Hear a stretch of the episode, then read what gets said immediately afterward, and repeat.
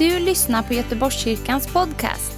Vi vill att den ska hjälpa dig och uppmuntra dig där du är i vardagen.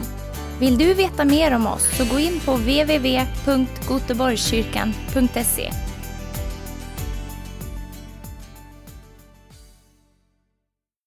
Apostlagärningarna kapitel 18. Sedan lämnade Paulus Aten och kom till Korint. Där träffade han en jude vid namn Akila, född i Pontus, och hans hustru Priscilla. De hade nyligen kommit från Italien eftersom Claudius hade befallt att alla judar skulle lämna Rom. Till dessa båda kom nu Paulus. Och då de hade samma yrke stannade han hos dem och arbetade. Det var nämligen tältmakare. Varje sabbat förde han samtal i synagogan och försökt övertyga både judar och greker.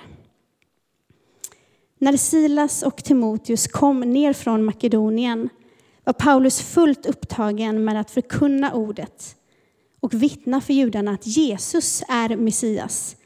Men när de gick emot honom och hånade honom skakade han av dammet från sina kläder och sade till dem, ert blod ska komma över era egna huvuden. Jag är utan skuld. Från och med nu går jag till hedningarna. Han gick därifrån och tog in hos Titus, Justus, en man som vördade Gud, som hade ett hus alldeles intill synagogan. Krispus, föreståndaren för synagogan och hela hans familj kom till tro på Herren. Även många andra korintier som lyssnade kom till tro och döptes. En natt sade Herren i en syn till Paulus, var inte rädd, utan tala och låt dig inte tystas. Jag är med dig, ingen ska röra dig eller skada dig. För jag har mycket folk här i staden. Han stannade hos dem i ett år och sex månader och undervisade i Guds ord. När Gallio var ståthållare i Akaja gick judarna till gemensamt angrepp mot Paulus och drog honom inför domstol och sade, den här mannen förleder folk till att dyrka Gud på ett sätt som är emot lagen. Paulus skulle just öppna munnen när Gallio sade till judarna, hade det handlat om något brott eller illdåd skulle jag naturligtvis ta upp ert klagomål, ni judar. Men gäller det tvistefrågor om ord och namn och er lag, då får ni ta hand om det själva. I sådana tvister tänkte jag inte vara domare, och han skickade ut dem från domstolen. Alla grep då synagogeföreståndaren Sotenes och misshandlade honom mitt framför dom, domarsätet utan att Gallio brydde sig om det. Paulus stannade i Korint ännu en tid innan han tog avsked och bröderna och avseglade mot Syrien i sällskap med Priscilla och Akila. I Kenkrea hade han dessförinnan låtit raka sitt huvud eftersom han avlagt ett lufte. Det kom till Efesos och där lämnade han de andra. Själv gick han in i synagogan och samtalade med judarna. De bad honom stanna längre, men han avböjde och tog avsked och sade, jag kommer tillbaka till er igen, om Gud vill. Sedan seglade han ut från Efesos. När han kom till Caesarea gick han upp och hälsade på församlingen och for därefter ner till Antiochia. Och efter en tid bröt Paulus upp och reste först genom Galatien och sedan genom Frygien. Och han styrkte alla lärjungarna. Till Efesos kom en jude som hette Apollos, en bildad man som var född i Alexandria och mycket kunnig i skrifterna. Han hade fått undervisningen om Herrens väg och talade brinnande i anden och undervisade noggrant om Jesus. Men, när han hände, men han kände bara till Johannes dop. Nu började han predika frimodigt i synagogan. När Priscilla och Akila hörde honom tog de sig till honom och förklarade Guds väg grundligare för honom. När Apollos sedan ville ta sig över till Akaja uppmuntrade han bröderna och skrev till lärjungarna. att de skulle ta emot honom. Han kom dit och blev till stor hjälp för dem som genom Guds nåd hade kommit till tro. Han motbevisade nämligen judarna med kraft och bevisade offentligt utifrån skrifterna att Jesus är Messias. Underbart. Tack så mycket Elina. Visst är det härligt att få lyssna till Guds ord. Eh, det är fantastiskt. Eh, läsa Guds ord, lyssna till det, meditera över det, höra Guds ord, tala ut det, leva Guds ord skulle jag vilja säga. Det är fantastiskt. Och när man då läser Apostlagärningarna kapitel 18 så kan man fundera över vad handlar detta om egentligen? Eller hur hittar vi en röd tråd i allt detta? Och då eh, lyckades jag komma fram till en slags paroll här, eller en slags slutsats kring det jag tänkte på faktiskt när jag hörde det här. Och det är, jag vet inte om ni kan se här, men ser ni vad det står eller? Har ni på era glasögon? Ja.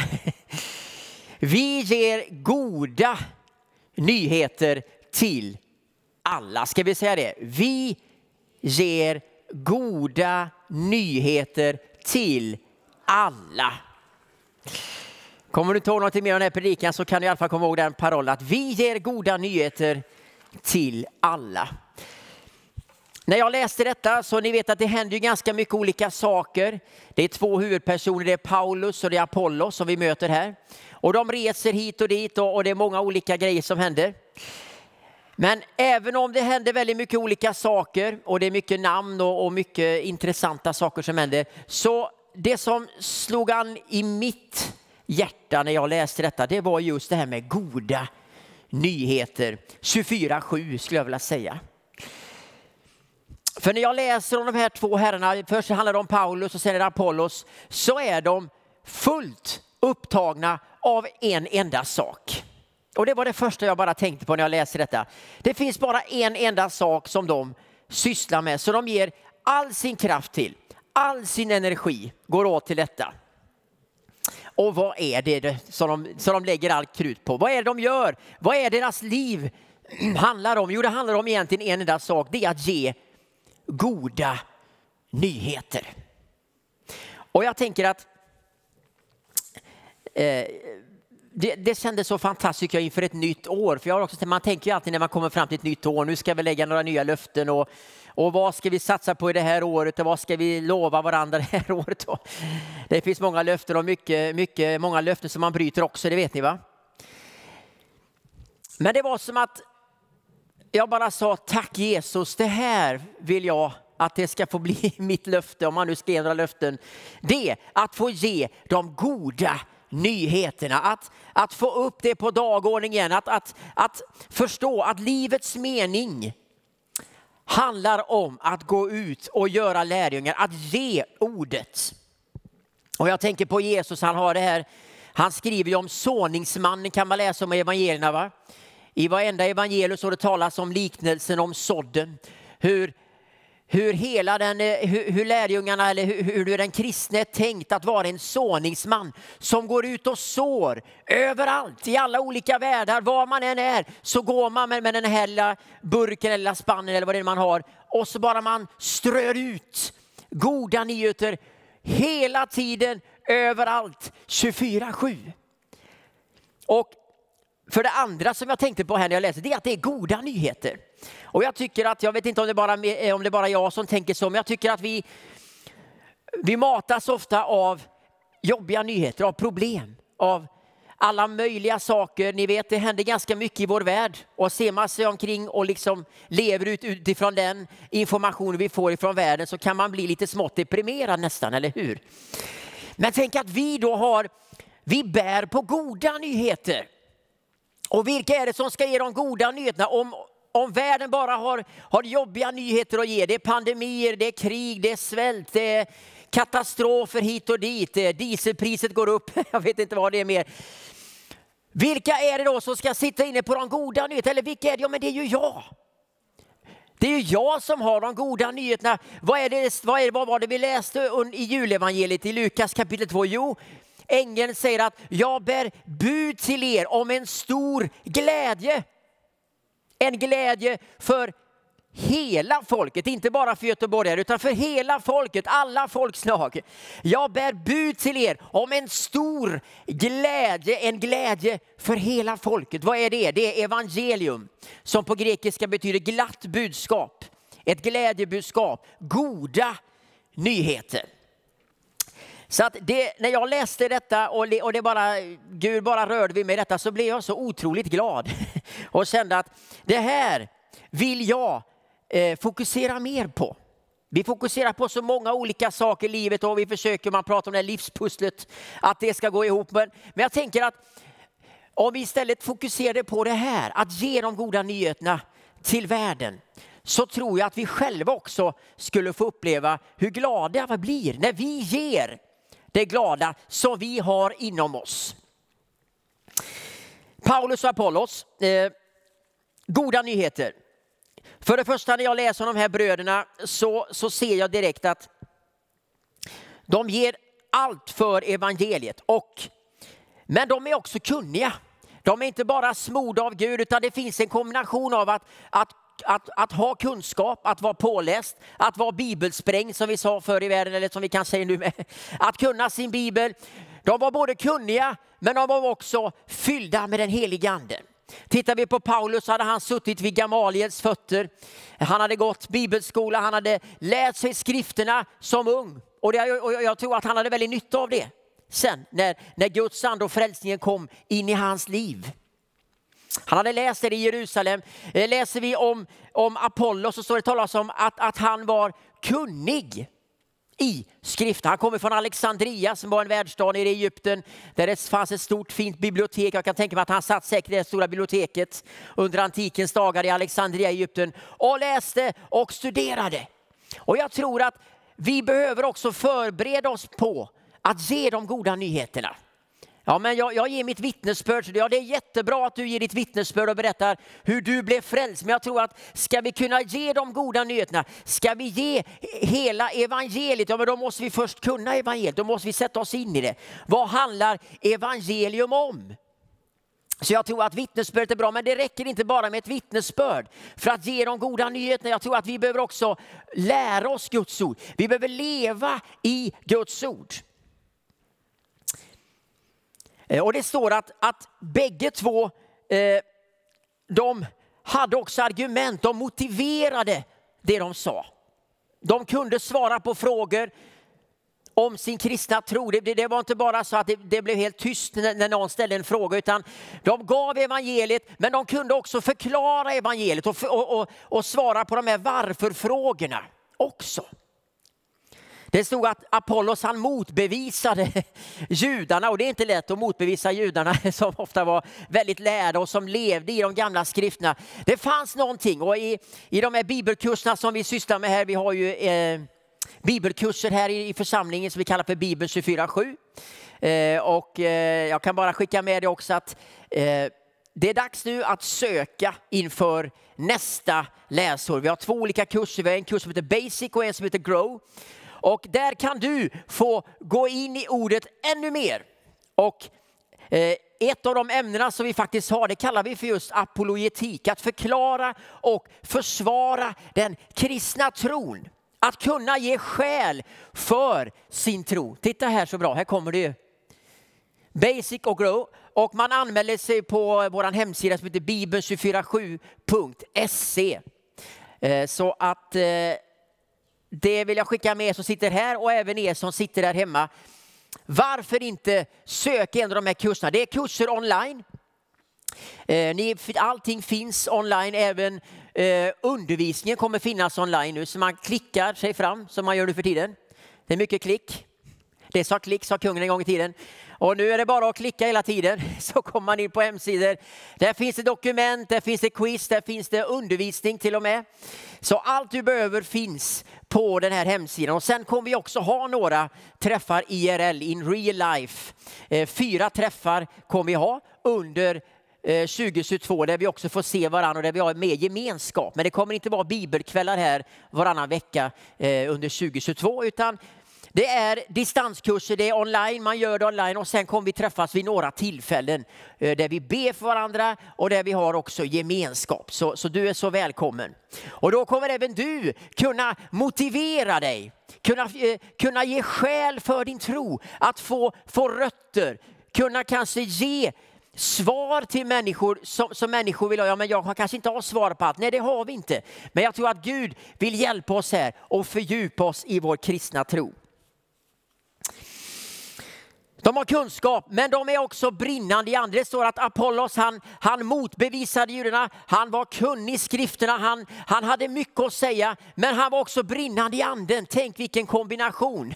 Att både leva i ordet, men att också vara fylld med ordet. Att ordet och anden får samverka som det gjorde för Apollos. Och Paulus han säger att jag tror, säger han, i andra Korinthierbrevet kapitel 4. Därför talar jag, för jag har fått del av trons ande, säger han. Jag tror, därför talar jag. Alltså, det finns någonting mer, det finns ett glädjebudskap på insidan. Gud har gjort något i ditt och mitt liv. Därför så bär vi på någonting. Vi bär på goda nyheter. Och då studerar vi detta, vi läser Guds ord, vi blir kunniga i skrifterna, men vi levererar också det som finns på insidan, den tron som Gud har gett dig och mig. Jag tror, säger han. Jag har fått trons ande, det har hänt någonting i mitt liv, jag tror, därför talar jag. Ve mig om jag inte predikar, säger han på ett annat ställe i första Korinthierbrevet kapitel 9. Eh, och det sägs också, eller han Paulus, när vi läser honom så ser vi, ser vi att direkt när han blir frälst så börjar han genast att, vadå, predika. Han börjar ge det här glädjebudskapet på en gång.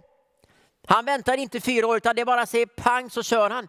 Så börja leverera, ge det Gud ger dig och studera ordet, gå in, lev i skrifterna. Den där kombinationen är helt suverän. Då kommer du få ge glädje till många människor.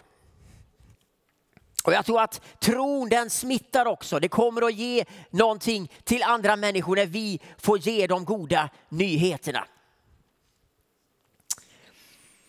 Tillsammans, eller vi, vi sa att vi ger goda nyheter till alla. När vi läser eh, Apostlarna kapitel 18 så ser vi att, att eh, det är inte bara Apollos och Paulus utan det är ganska många faktiskt som är inblandade i det här kapitlet när man läser Eh, för det första så ser vi att Paulus och Apollos att de samverkar.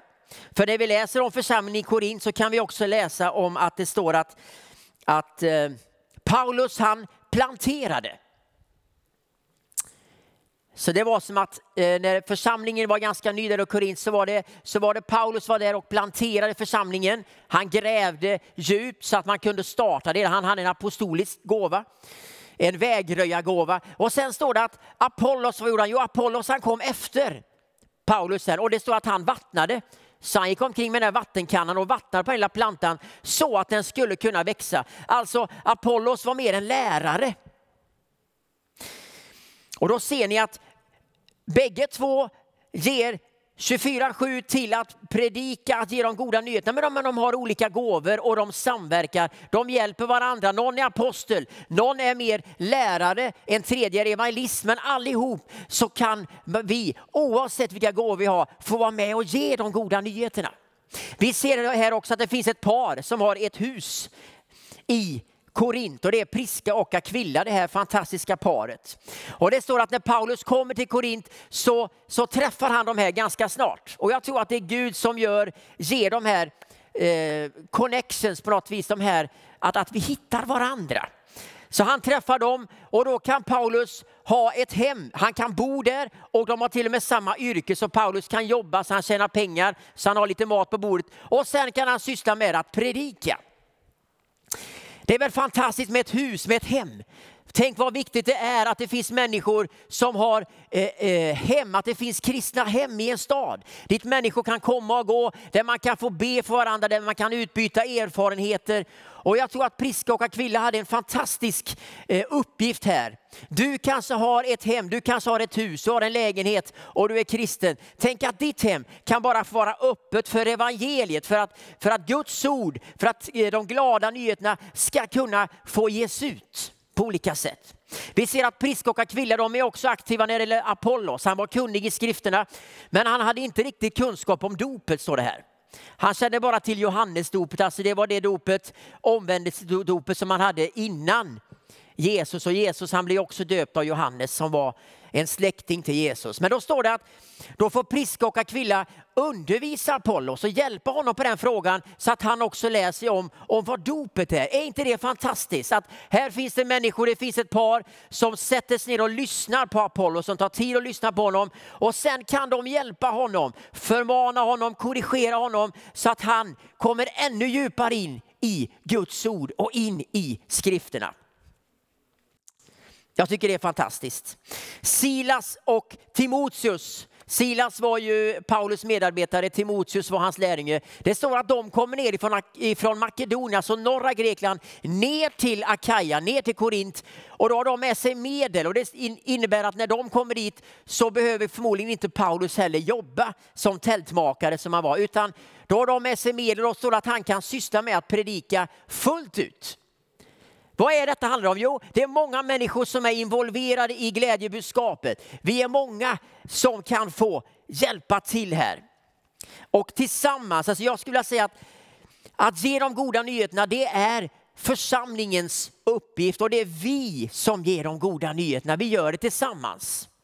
Ibland ser vi att det finns många människor som har starka gåvor. Det kan vara en profet, det kan vara en apostel, en evangelist. Och man vill gärna ut och så, och så ger man det man har fått. Men man är inte kopplad till församlingen. Och jag tror att det är så oerhört viktigt att man Eh, att man också har en koppling till församlingen, att man är utsänd av församlingen. Det står om både Paulus och Apollos att det var inga löshästar som bara reste runt. Man kan tänka när man läser om Paulus att det var en sån här kille som bara reste runt överallt och han bara eh, predikade och gjorde alla möjliga saker.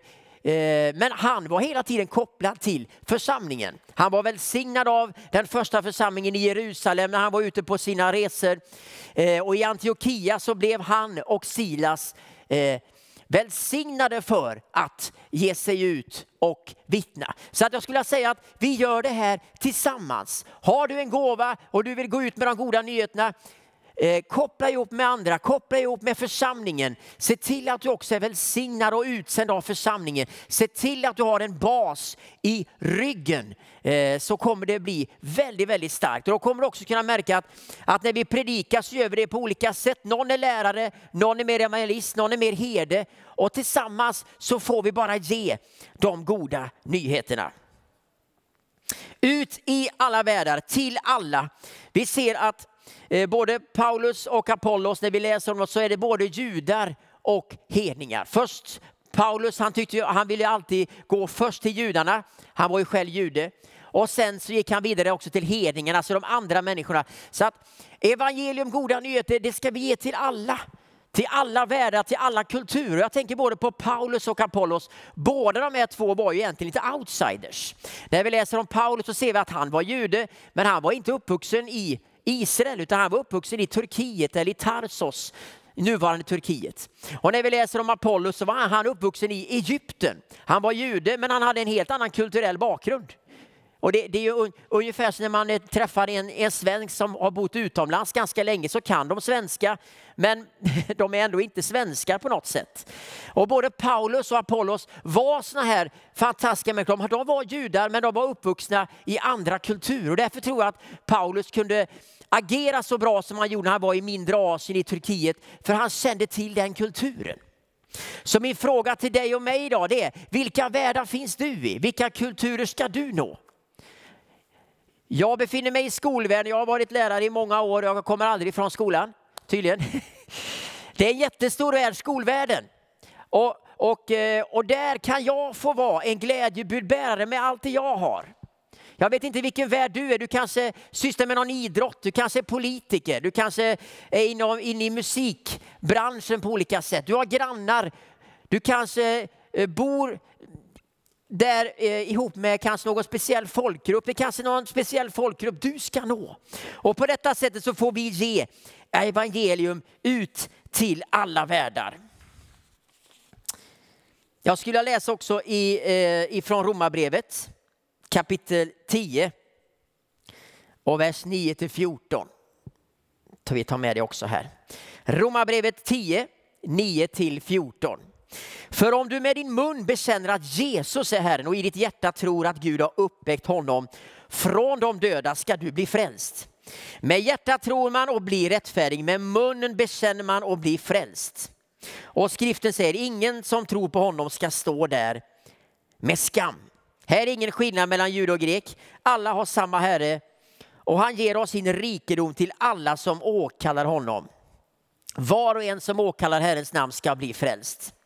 Och så kommer från vers 14 här. Men hur ska de kunna åkalla den som de inte har kommit till tro på? Och hur ska de kunna tro på den som de inte har hört? Och hur ska de kunna höra om ingen predikar? Och hur ska någon kunna predika om de inte blir utsända? Så står det skrivet. Hur ljuvliga är inte stegen av dem som förkunnar det goda budskapet. Hur ska man kunna tro på någonting som man inte har hört? Om inte någon förkunnar, om inte någon går ut med de här glada budskapen. Det här talar till dig och mig idag. Och jag säger inte detta för att försöka liksom att trycka till någon, utan jag säger detta för att uppmuntra dig att du har någonting på insidan. Du har fått de glada och de goda nyheterna. Jag tror att man blir glad när man också får ge det glädjebudskapet. När jag gick i årskurs 8, så eh, på högstadiet vet ni, alla har gått i åttan tror jag, alla ni som är 14 och äldre. och eh, jag var uppvuxen ute på landet eh, och gick då i en klass, vi var bara åtta stycken personer i den klassen. Så det var en sån liten miniklass under de första sex åren. Så jag växte upp på landet och det var så mysigt och gulligt. Sen kom vi då in till den stora staden Trollhättan.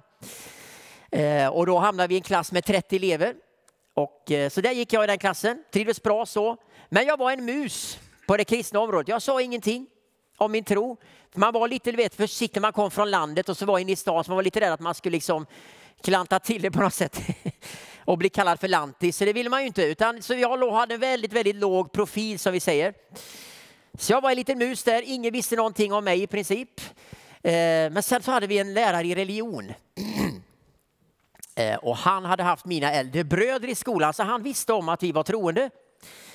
Och han säger på en religionslektion där när han ska tala om kristendom, ja hur Frank, och så säger han till mig, ja Frank hur gör ni i kyrkan egentligen? Och jag trodde jag skulle gå genom golvet, jag tänkte ta mig till månen någon annanstans. Vad gör jag nu? Nu är jag avslöjad. Eh, så jag, jag minns inte vad jag sa på lektionen där, för jag blev så, jag blev så ställd. Men efter den lektionen, så, ni vet nere eh, där man hade sina skåp och allt det som man har i skolan, vet, så, så kom det en massa folk och alla skulle fråga, ser du kristen och vilken kyrka är du med i? Och, och, och på något sätt för mig blev det som att det blev en befrielse. Jag hade gått med det glädjebudskapet inom mig. Jag hade egentligen velat ge ut min kristna tro. Jag hade velat berätta för många om det. För jag kände att jag hade någonting på insidan som bara ville ut. Och man kan tycka att religionsläraren var lite klumpig som ställde en sån fråga. Men, men faktum var att, att, att han löste mig den karln. För sen fick jag berätta om min kristna tro. Det kanske var en, var en och annan som skrattade åt min kristna tro, men de allra flesta lyssnade på mig och tyckte det var jätteintressant. Och jag blev glad, jag blev befriad. Och jag skulle säga att, att om du går med dessa glädjebudskapet inom dig så måste det få komma ut. Det är då du blir befriad, det är då du blir glad. Jag tror på det här, att ge glädjebudskapet. Du blir glad, du blir befriad, du får kraft och styrka. Så att, eh, det är min hälsning till dig och mig att du blir glad när du börjar ge det som finns på insidan. Vi är skapta att ge det här vidare. Eh, sen tänker jag på Jeremia, jag läste om han också. Här. Det står att han, när han blev kallad så var han Guds mun, står det talas om. Fantastiskt. Gud säger till honom att du ska få vara min mun, alltså din mun ska bara få tala ut det profetiska. Du ska få vara min mun. Och så läser man Jeremia bok och det är fantastiskt att se hur han får profetera och folk hånar honom. Och det, det, det, är inte så lätt alla gånger att vara Guds mun, att tala ordet, att ge evangeliet, att ge det glada budskapet. Och i Jeremia 20 så står det att eh, då har, han, då har han gett upp Jeremia. Då säger han så att jag vill glömma honom och inte mer tala i hans namn. Jag vill glömma honom, jag vill inte mer tala i hans namn, säger Jeremia. Vad händer då? Han har liksom gett upp nu, nu är han trött på alltihop. Han har blivit hånad, han är, han är trött på att predika. Då blev det som i mitt hjärta som en, då blev det i mitt hjärta som en brinnande eld, står det.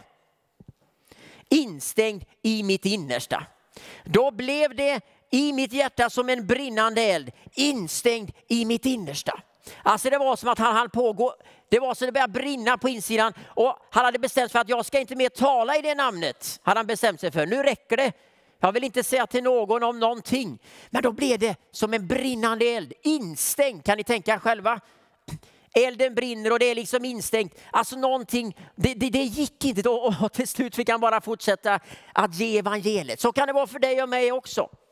Ibland så, så ger vi evangeliet, vi är glada och vi ger det fullt ut. Men så händer det saker så att vi bara slutar ge evangeliet. Du kanske blir hånad. Det finns alltid också ett motstånd mot att ge Guds ord. Det ser vi i Apostlagärningarna kapitel 18 också. Vi ser Paulus hur han till och med får stå inför domstolen här för de glada nyheterna. Även om det skulle innebära domstolen så är det fortfarande goda nyheter och det som finns på insidan det ska få komma ut.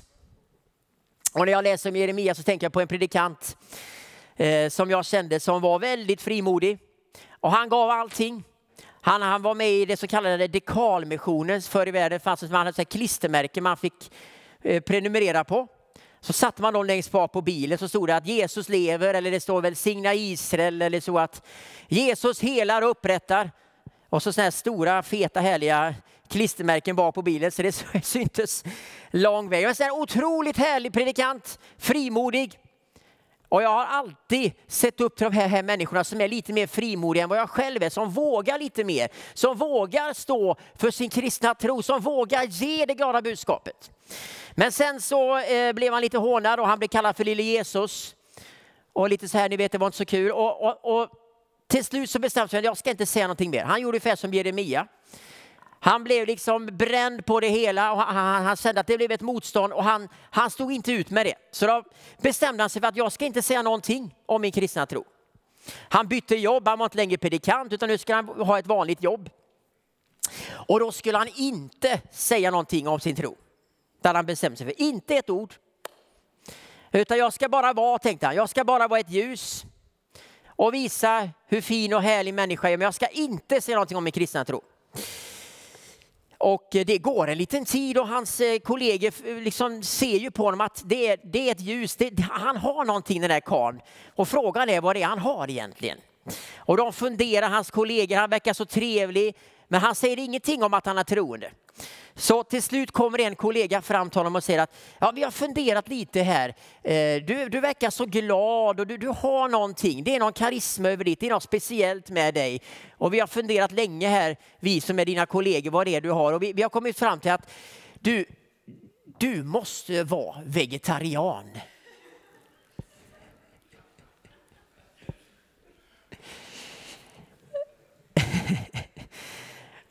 Jag tyckte det var så dråpligt när jag hörde detta. Och sen började han att predika igen. Och jag, det där är lite intressant, va? för att ofta så tänker vi liksom att vi ska bara vara, vi ska inte, vi ska inte liksom göra någon fluga för när. Och det är bra det, för att vi läser i Romarbrevet att det är hjärtats tro, eller hur? Vi ska ha hjärtat med oss, men också munnens bekännelse. Det är både och. Så att jag tror att den här predikanten fick sig en liten tankeställare där. Vi måste också ge Guds ord. Vi ska sjunga nu, så ni får gärna komma upp. Och vi kommer sjunga, börja med att sjunga en gospel här. Och gospel vet, det betyder evangelium. Och gospeln den har eh, verkligen sitt ursprung i de här afrikanerna som kom över till USA som slavar. De hade det inte lätt på 1700-1800-talet. Men de började sjunga gospel mitt i eh, slaveriet, mitt i allt elände så sjöng de gospel. Och, de, och gospel som vi sa betyder glatt budskap. Och en av de här härliga gospelsångerna eh, heter I'm gonna keep on singing, I'm gonna keep on shouting, I'm, I'm gonna keep on lifting my voice and let the world know that Jesus saves. Och det är min hälsning till dig att fortsätt, ge inte upp. Det finns ett motstånd. Du kanske alltså blir hånad av någon, någon säger någonting illa om dig, men fortsätt att ge de glada budskapen. Ge det vidare ut i alla världar där du finns. Jag vet inte vilka världar du finns i, men du ska bara få fortsätta att ge de glada och goda nyheterna. Herre Jesus, jag tackar dig Gud att vi bara får tala ut ditt ord idag. Jag tackar dig så att 2022 ska få bli ett år med goda nyheter. Då vi får en förnyad kallelse, en förnyad glädje, en förnyad, eh, ett förnyat fokus i våra liv. Att våra liv handlar om att ge det som finns på insidan. Att ge det som du har gett oss. Amen. Tack för att du har lyssnat. Dela gärna podden med dina vänner och glöm inte prenumerera. Om du har frågor eller vill att vi ska be för något så mejla oss på info På söndagar har vi veckans höjdpunkt. Då firar vi gudstjänst tillsammans och det vore så kul att träffa dig där. Men vi har även samlingar för barn då? Gå in på vår hemsida goteborgskyrkan.se så får du veta mer. Välkommen till oss!